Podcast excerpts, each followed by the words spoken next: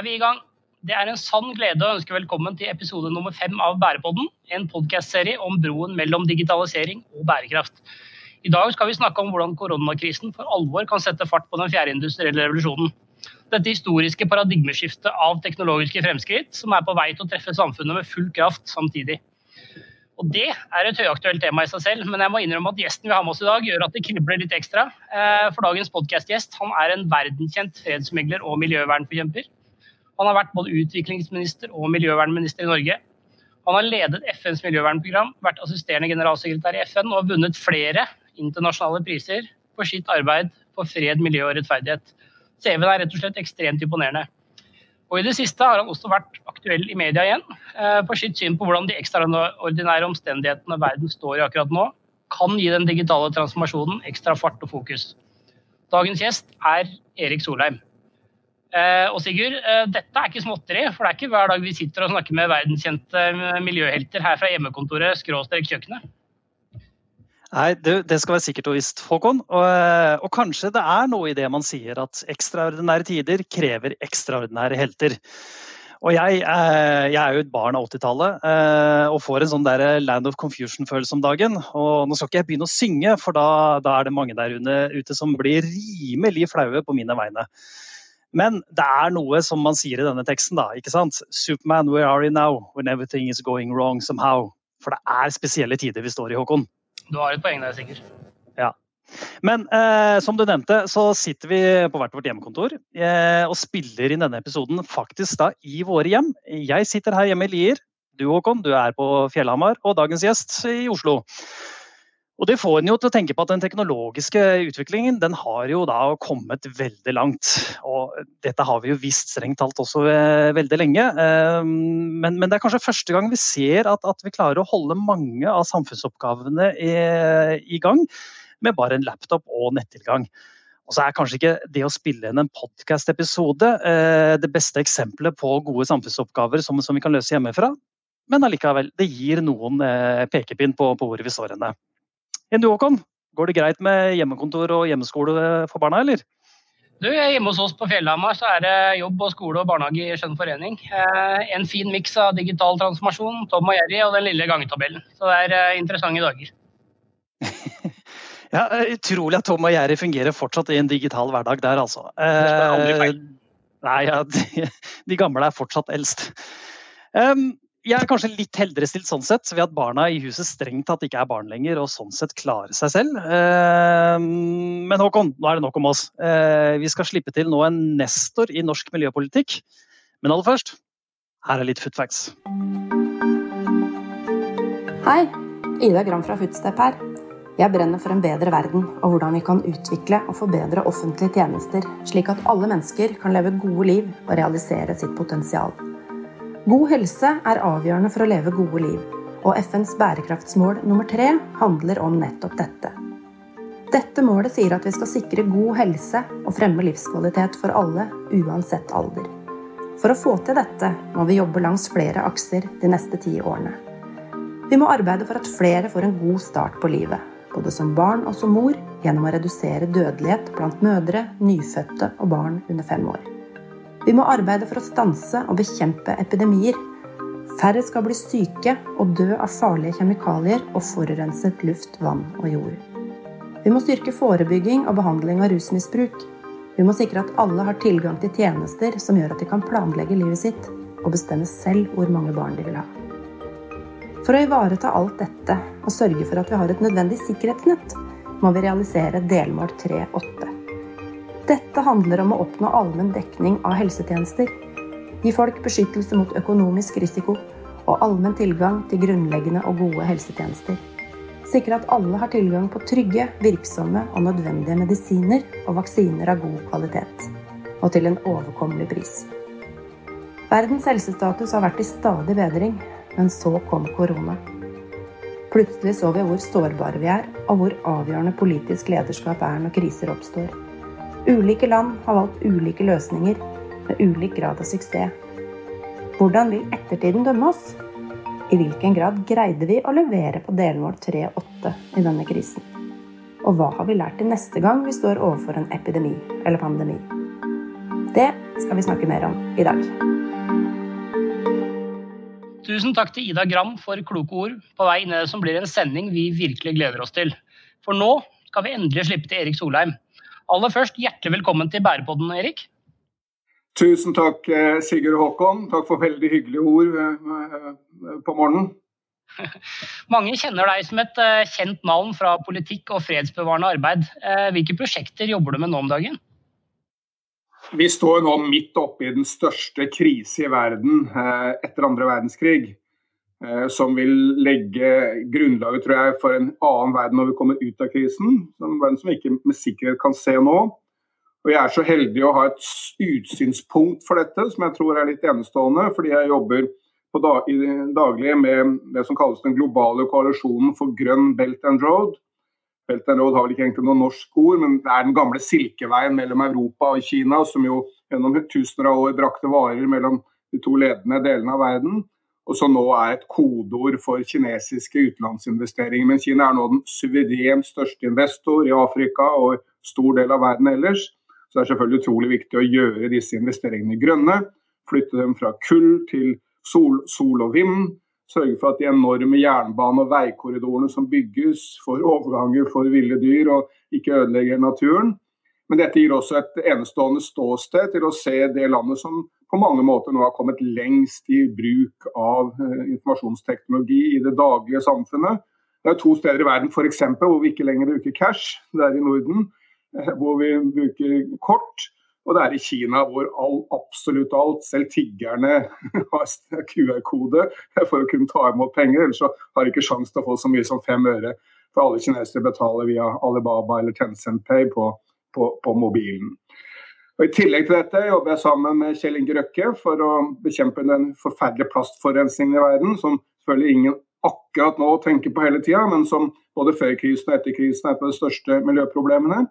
Og jeg jobber også mer enn før med næringsliv og privat sektor. Jeg er rådgiver for verdens største papir- og celluloseselskap. Eh, det heter April, og de er basert i Singapore. og eh, er foregangsbedrift når det gjelder å ta vare på regnskog. og jeg jobber med noe som heter Trillion, som er verdens første store grønne blockchain-selskap.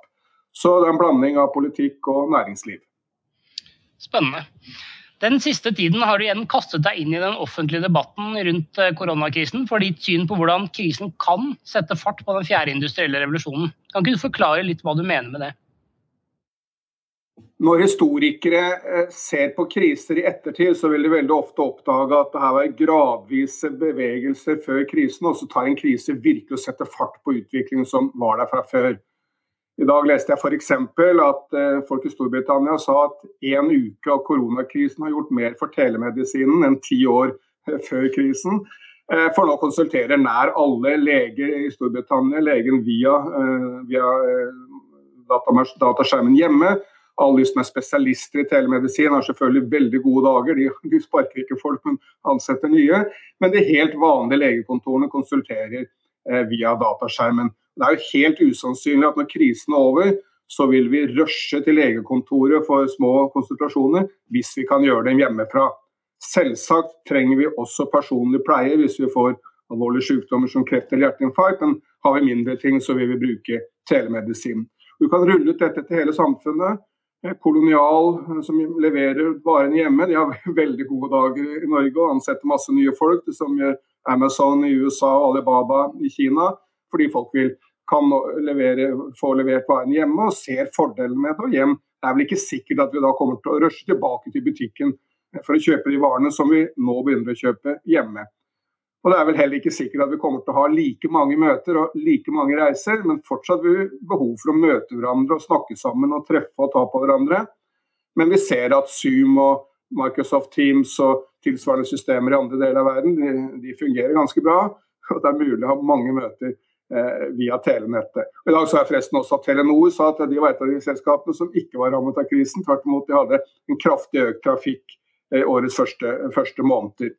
Så hvis du legger sammen alle disse store og små tingene, eh, informasjon, IT-selskaper som ansetter istedenfor å sparke når hotellnæringen nærmest er helt nede og flyselskapene står på bakken, og de mange sidene ved teknologien som vi nå får inn i våre hjem og bruker, så er det nesten helt sikkert at vi vil se dette som det tidspunktet da IT-revolusjonen virkelig skjøt fart og fikk et masseomfang. Og Mye av det samme tror jeg også for øvrig gjelder bioteknologi. Eh, mens verdens politikere satt og ventet. De hadde jo forsto ikke hva som skjedde i Kina. Mange av de kjøpte jo ikke engang inn utstyr for å beskytte sine befolkninger. Så eh, reagerte verdens vaksineselskaper momentant. Et av de mest kjente i Frankrike. De begynte å forske på vaksine mot korona allerede i julehelga. Da hadde de fulgt med på nyhetene fra Kina, så hva som var der. 10.1 i år så la kineserne ut på nettet DNA-strukturen eh, for viruset, for koronaviruset, sånn at alle verdens forskere kan bruke den som basis for framtidige vaksiner. Og Selskapene hoppet på dette og skaffet seg ressurser og begynte allerede i januar, mens verdens politikere ofte, ofte sov. Og Selvsagt vil kampen for å få vaksine og mange andre eh, medisiner som kommer til, kommer, ut, kommer til å komme ut av dette, i en tilsvarende skyv, tror jeg, for bioteknologirevolusjonen som vi ser på IT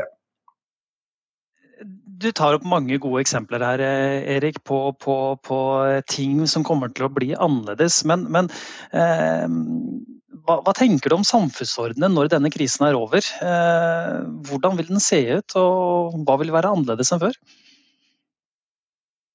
Jeg tror statene vil være sterkere eh, i eh, trekanten stat, individ, næringsliv så er det jo statene som styrkes gjennom en krise som dette. For Det aller viktigste for mennesker i en stor krise er beskyttelse. Statene ble opprettet for å beskytte mennesker, det er liksom selve begrunnelsen for å ha en stat. Og makten mellom marked og stat går også i statens favør i en sånn, sånn krise. Så vi vil, se, eh, vi vil se sterkere stater. Forhåpentlig ikke mer autoritære stater, bare sterkere og mer effektive stater som leverer bedre eh, for sine innbyggere. Og Så langt har jo de østasiatiske landene gjort det veldig veldig mye bedre enn både Europa eh, og Nord-Amerika. Og Det har de gjort helt uavhengig av om de er fullt demokratiske som Sør-Korea eller, eller mer, mer, autoritære. Vi ser en styrking av statene, og vi ser, tror jeg, en ny kall det geopolitisk orden. Husk på at dette er den første globale krise i moderne tid eh, hvor USA ikke har tatt noen ledelse veldig kort i 1919 i Versailles etter første verdenskrig. Det var jo amerikanske presidenten Woodrow Wilson. Han tilbrakte en halvt år i Versailles for å lede verden ut av første verdenskrig. Han gjorde ikke alt riktig, men det var han som ledet. Etter andre verdenskrig skapte Roosevelt og Truman FN, Verdensbanken, Det internasjonale pengefondet. Under den kalde krigens slutt var det George W. Bush som ledet verden. Ut av finanskrisen var det Obama som ledet verden nær alle kriser i Midtøsten har USA spilt en ledende rolle. Mange ganger har USA gjort dette på en dårlig måte, gjort verden dårligere. Men mer ofte har de gjort verden bedre gjennom sitt lederskap. Men det fundamentale nå er at det er ikke noe amerikansk lederskap, det er ikke engang noe amerikansk ønske om å lede verden. Eh, Trump prøver ikke engang å lede de nærmeste allierte, altså Vest-Europa. Eh, han eh, kjøre en linje som gjør at amerikanerne skal karre til seg, også på bekostning av tyskere og europeere. Det er, det er, en helt ny verden uten amerikansk lederskap. Det lederskapet kan komme tilbake, men det er ikke der nå. Og Det betyr selvsagt at Europa, spesielt EU, Kina, India, må lede verden sammen med private selskaper, stater og de mange aktører i USA som fortsatt ønsker å være med å lede verden. Mm. Men tror du, eh, tror du land vil finne fram til nye konsultasjoner, eller altså, er det andre sterke land som vil tre fram og, og, og ta ledertrøyen, da, som USA da ikke, som du sier, ikke ønsker å ha lenger? Selv om en del i Europa er skeptiske fordi vi verdsetter vårt demokratiske system, og Kina har et annet system, så er det vanskelig å tro annet enn at Kina vil komme styrket ut av denne krisen. Eh, per i dag så går folk tilbake til jobb over hele Kina. Fabrikkrullene ruller. Det er Kina som forsyner nesten hele verden med det utstyret og, det, og de medisinene som verden trenger. Eh, skolene åpnes, turistattraksjonene er i gang igjen. og Kinesernes store frykt er ikke lenger hjemlig smitte, men det er å få smitte med kinesere og, og utlendinger som kommer inn fra Europa og Nord-Amerika. Som all mulig sannsynlighet vil, vil Kina styrkes relativt til USA. Eh, men eh, vi vil også se andre samfunnsmodeller i Øst-Asia, som Singapore, Sør-Korea, eh, Taiwan er styrket, Japan, De har alle kommet veldig mye bedre ut av krisen enn oss. og Når historikerne skal dømme en gang inn i framtida, så vil de selvfølgelig sitte og se på tallene. Per i dag har Sør-Korea rundt 180 døde. Eh, Spania og Italia har mellom 10 og 20 000 hver, og det er land på samme størrelse som Sør-Korea. Og Sør-Korea fikk viruset mye tidligere enn Europa. De var bare mye bedre forberedt og hadde mye bedre politikk. Mm. Og, eh, eh, du skrev jo noe om dette her også i en artikkel i, i DN, hvor du viser til at eh, disse eh, asiatiske landene som f.eks. Sør-Korea og Singapore som, og, og, og, så viser du til eksempler på, på, at de tar i bruk egne apper, de tar i bruk nettverkstrafikken for å oppspore smitte osv. Men eh, tror du dette her er ønskelig og i hele tatt mulig i et demokrati med sterkt personvern, sånn som Norge? Jeg tror den aller farligste av alle tanker er tanken om at demokratiet ikke kan beskytte sine innbyggere like godt som autoritære stater. Det er en rett og slett livsfarlig tanke, og vil jo drive verdens befolkning over til å støtte autoritære stater. For de, for de aller, aller, aller, fleste mennesker så er retten til liv den viktigste menneskerett. Eh, mm. og det er ikke tilfeldig. Det er også sånn i FNs menneskerettighetserklæring, der retten til liv kommer først. Eh, så kommer andre menneskerettigheter i annen omgang, og det er jo opplagt, for har vi ikke liv, så er ikke de andre menneskerettighetene meningsfulle. Så retten til liv må komme først, og det har de østasiatiske landene forstått. og Derfor har de vært så vellykkede. Men hvis vi mm. ser på hva de har gjort, så er det jo ikke noe de har gjort som ikke vi kan gjøre. Og ikke noe de har gjort egentlig som heller har store negative konsekvenser for oss. De har altså laget en app, eller laget apper som gjør eh, at man kan gå tilbake og Vi har brukt telenettet for å se hvor en person har vært og hvem vedkommende har vært i kontakt med.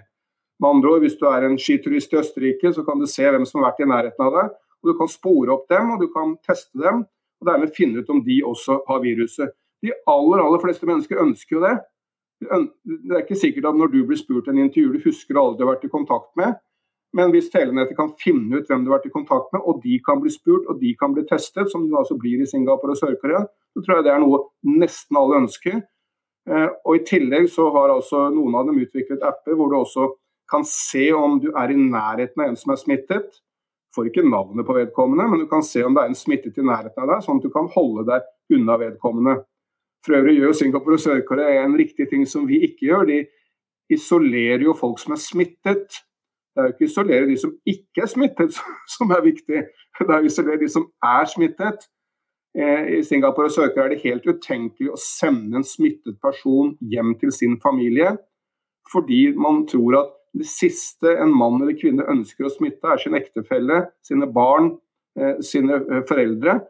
Og selv om det er mulig å smitte hverandre hvis du går en tur i skogen i løpet av påsken, og det er mulig å smitte hverandre en tilfeldig forbipasserende på gata, så følger nesten all smitte nære kolleger på jobben, nære folk som har vært ute og festet sammen eller hatt gått nært samvær sammen, og selvsagt mer enn noe annet familiene. Så oppsummert, jeg ser ikke noe Singapore og, og Sør-Korea har gjort som ikke vi kan gjøre. Og vi kan jo avvikle disse uh, ordningene den dagen krisen er over, dersom vi mener de er farlige på lengre sikt. Ingen som tror at Erna vil sitte og tviholde på sånne rettigheter hvis krisen er over ute i la oss si, august eller september. Erik, du har eh, mange tanker og sterke meninger om hvordan koronakrisen kan påvirke samfunnet både nasjonalt og internasjonalt. Kan du se for deg et eh, politisk comeback? Jeg har aldri gitt noe evig avholdsløfte fra norsk politikk. Eh, men jeg har heller ingen konkrete planer, så det, det kan bare, bare framtida eh, vise. Det er mange måter å påvirke samfunnet på. En er å være aktiv i sosiale medier og delta i samfunnsdebatten, andre er å være i, i mer formelle posisjoner. Så dette får framtida avklare.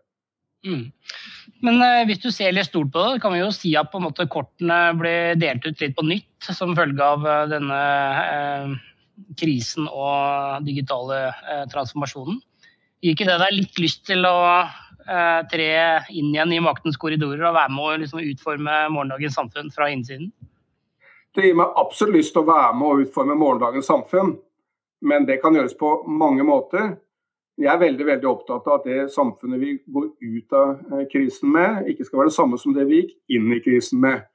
Derfor vektlegger jeg også de store mulighetene som ligger i teknologien, de store geopolitiske endringene. Men selvsagt er det jo helt meningsløst at vi går ut av krisen uten bedre miljøstandard enn vi går inn i krisen med. Denne krisen har til fulle vist hvor ekstremt oljeavhengig Norge er.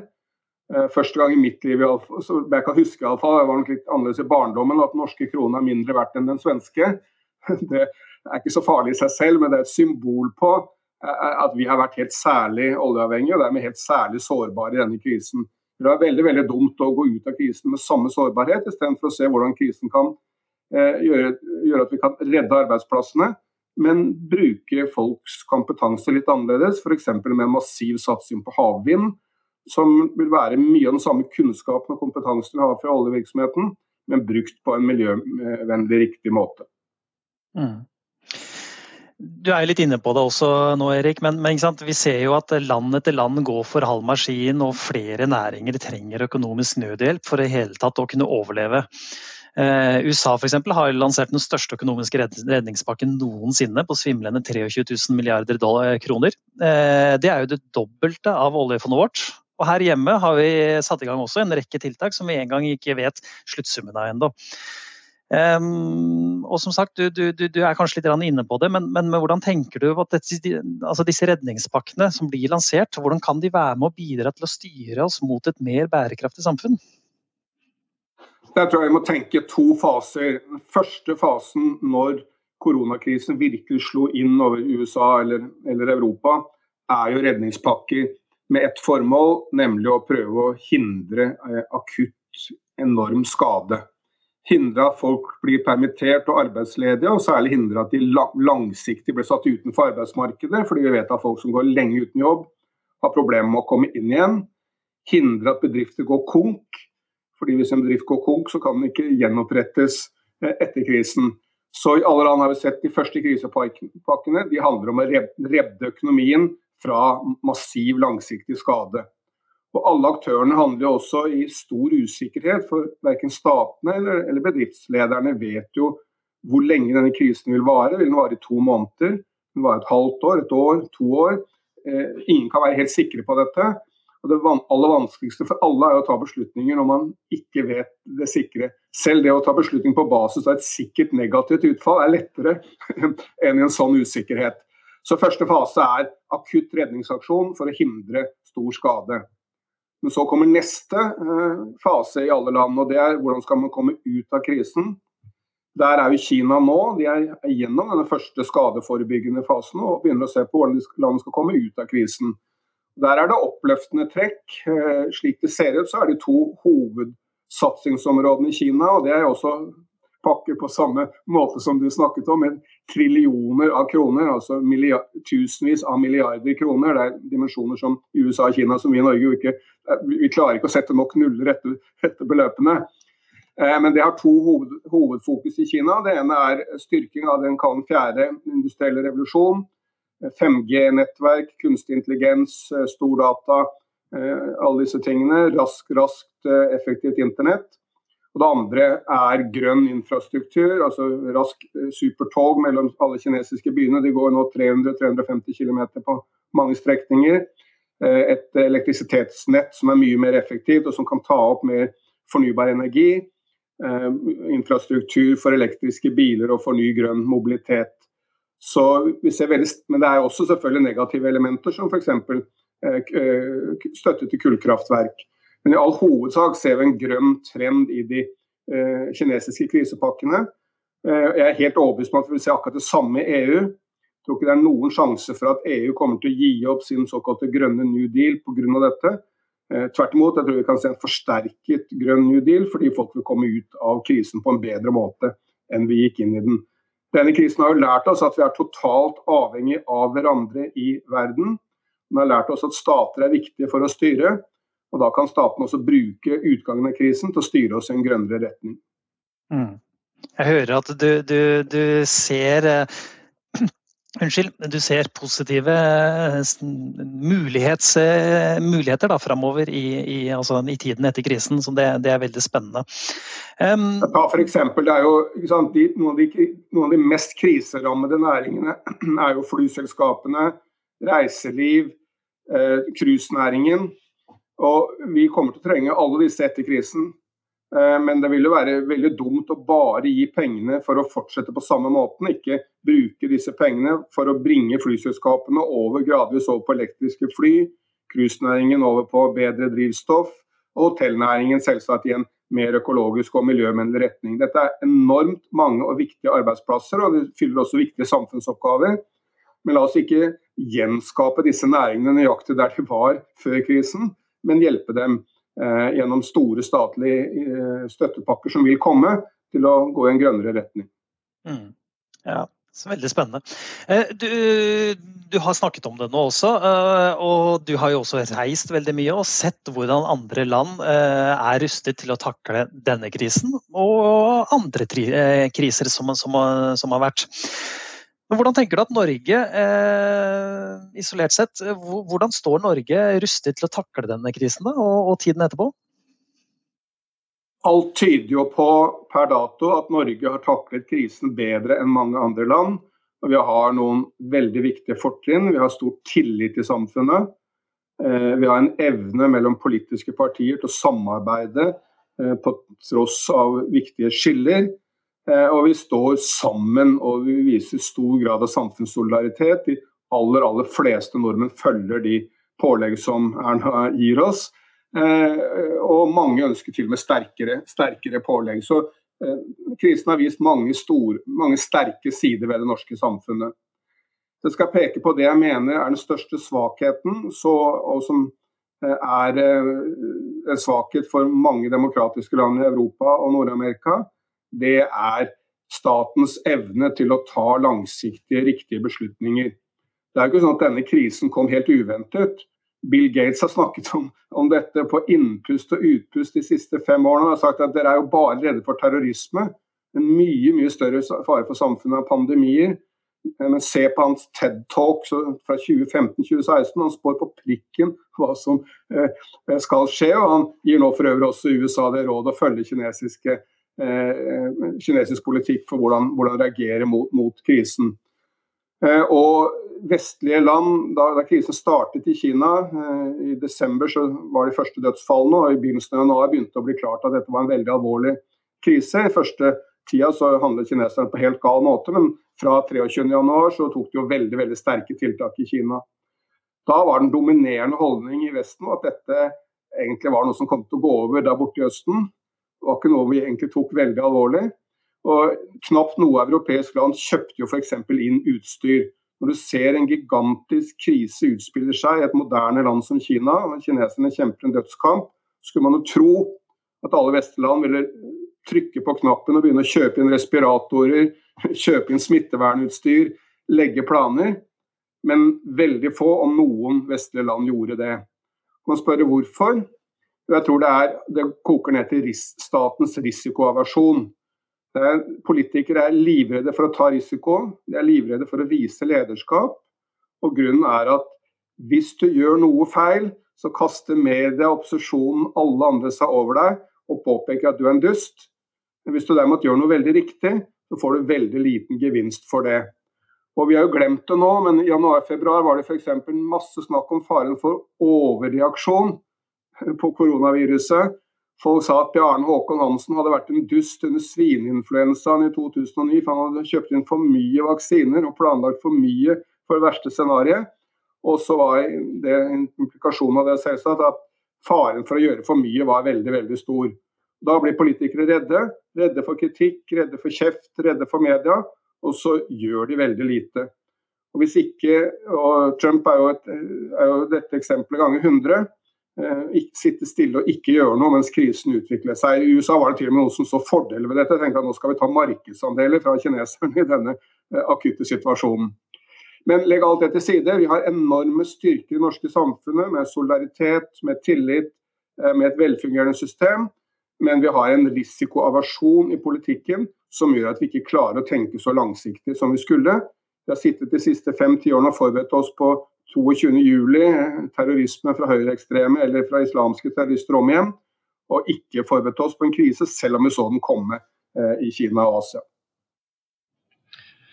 Det er vanskelig å spå, særlig om fremtiden, var det en gang en vis mann som sa. Eh, men hvis du likevel skulle prøve deg, Erik, hva tror du historiebøkene vil skrive om koronakrisen noen år frem i tid?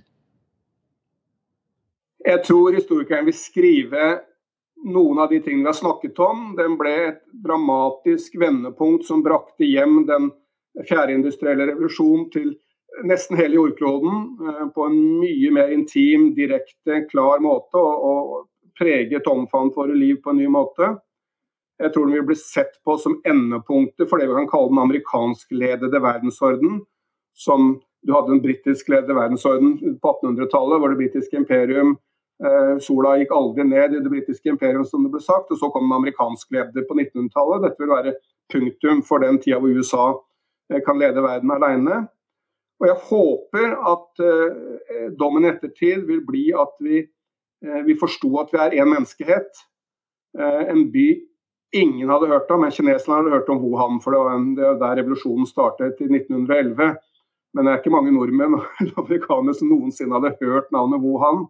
Og en krise som altså starter på noen dyremarkeder i en kinesisk by knapt noen har hørt om, sprer seg så til absolutt hele verden og blir den viktigste begivenhet i verden siden andre verdenskrig.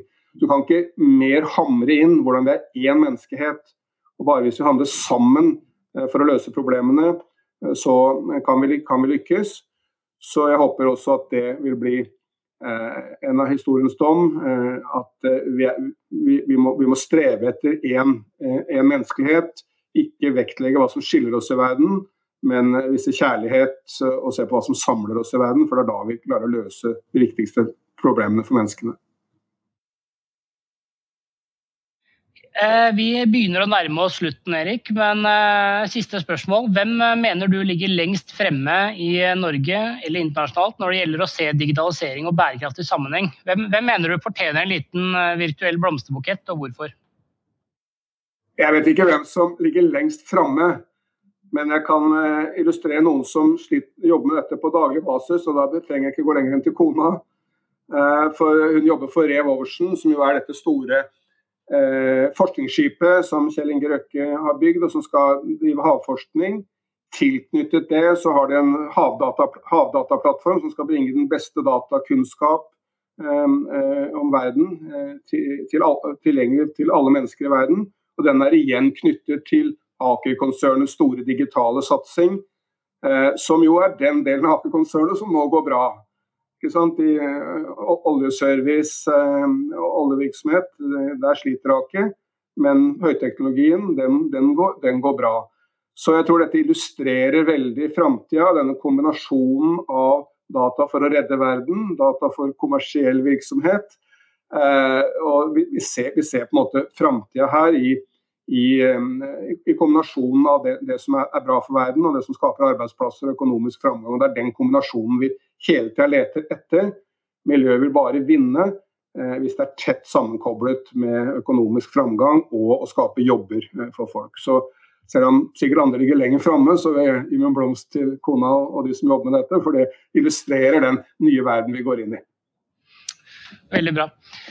Tiden eh, renner fra oss her, og vi må, vi må begynne å runde av. Men jeg, jeg, har lyst til å rette en stor takk til deg, Erik. Tusen takk for at du stilte opp og ga oss innsikt om et tema som virkelig er i vinden nå. Det har vært uh, virkelig interessant uh, å snakke med deg. Tusen takk til alle som hørte på. Det blir stadig flere av dere, og de gleder våre grønne hjerter stort. Bærepodden er tilbake før du aner ordet av det. Ha en flott dag videre, og ta vare på hverandre.